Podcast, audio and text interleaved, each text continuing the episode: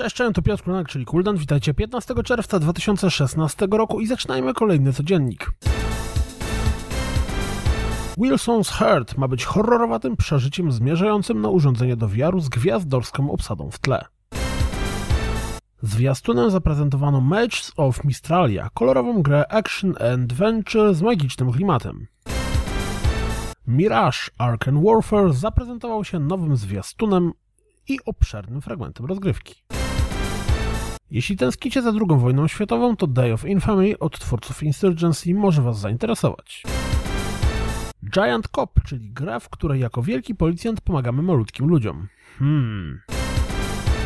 Serious Sam VR The Last Hope jest, jak sama nazwa wskazuje, Serious Samem wykorzystującym technologię VR. Dual Universe wygląda jak gra, która będzie próbowała rywalizować z No Man's Sky. Overland, który już kiedyś wylądował w codzienniku w formie preview gameplaya, przypominał sobie nowym zwiastunem. Dziennik deweloperski The Turning Test zdradził nam trochę więcej o grze. Apex, czyli rozszerzenie do zmierzającego Arma 3 pojawi się 11 lipca. Pojawił się pierwszy zwiastun Observer, czyli horroru w klimacie cyberpunk od Blobber Team. W nowym zwiastunie Tyranny mogliśmy zobaczyć fragmenty rozgrywki. Również nowy zwiastun Dawn of War 3 pokazał fragmenty rozgrywki. Clay zaprezentowali swoją nową grę Oxygen Not Included. Pojawił się zwiastun Lawbreakers, który w końcu nie jest nudnym przedstawicielem postaci. Tęsknicie za Wipeoutem? Sprawdźcie zwiastun Redout. Nioch dostał nowy zwiastun i dowiedzieliśmy się również, że najprawdopodobniej w sierpniu gra dostanie kolejne demo. Pokémon Sun and Moon dostał dwa nowe zwiastuny, w tym jeden prezentujący rozgrywkę, a drugi prezentujący system walki. Nier Automata w nowym zwiastunie przedstawił odrobinę historii świata, w którym będziemy przemierzać. Czy Platinum Games dostarczą? Pojawił się nowy zwiastun Gravity Rush 2. Robinson The Journey, czyli zabawę z dinozaurami w VR, dostał nowy zwiastun.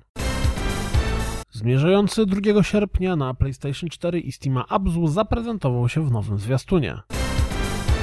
The Legend of Zelda Breath of the Wild dostał zwiastun pokazujący fragmenty rozgrywki. Ponownie potwierdzono, że gra będzie dostępna zarówno na Wii U, jak i na NX-ie. Sniper Elite 4 pozwoli nam postrzelać w granadę przeciwników 14 lutego 2017 roku, w sam raz na walentynki. Wzorem PT Resident Evil 7 dostał demko dostępne dla abonentów PlayStation Plus. Remake'iem Crasha na PlayStation 4 zajmuje się studio Vicarious Visions. Studio to przez ostatnie 5 lat zajmowało się tylko najróżniejszymi częściami Skylanders. Pozostaje nam tylko trzymać kciuki. Wygląda na to, że Bulletstorm dostanie remaster. Jeśli posiadacie Battlefronta, to X-Wing VR Missions dostaniecie za darmo.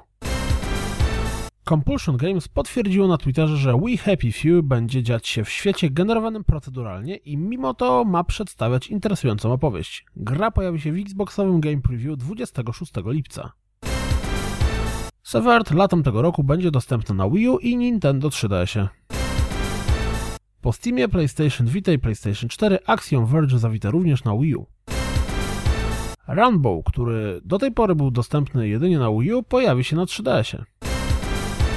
Wczoraj widzieliśmy zwiastun, a dziś sprawdźcie obszerny fragment rozgrywki z Forza Horizon 3.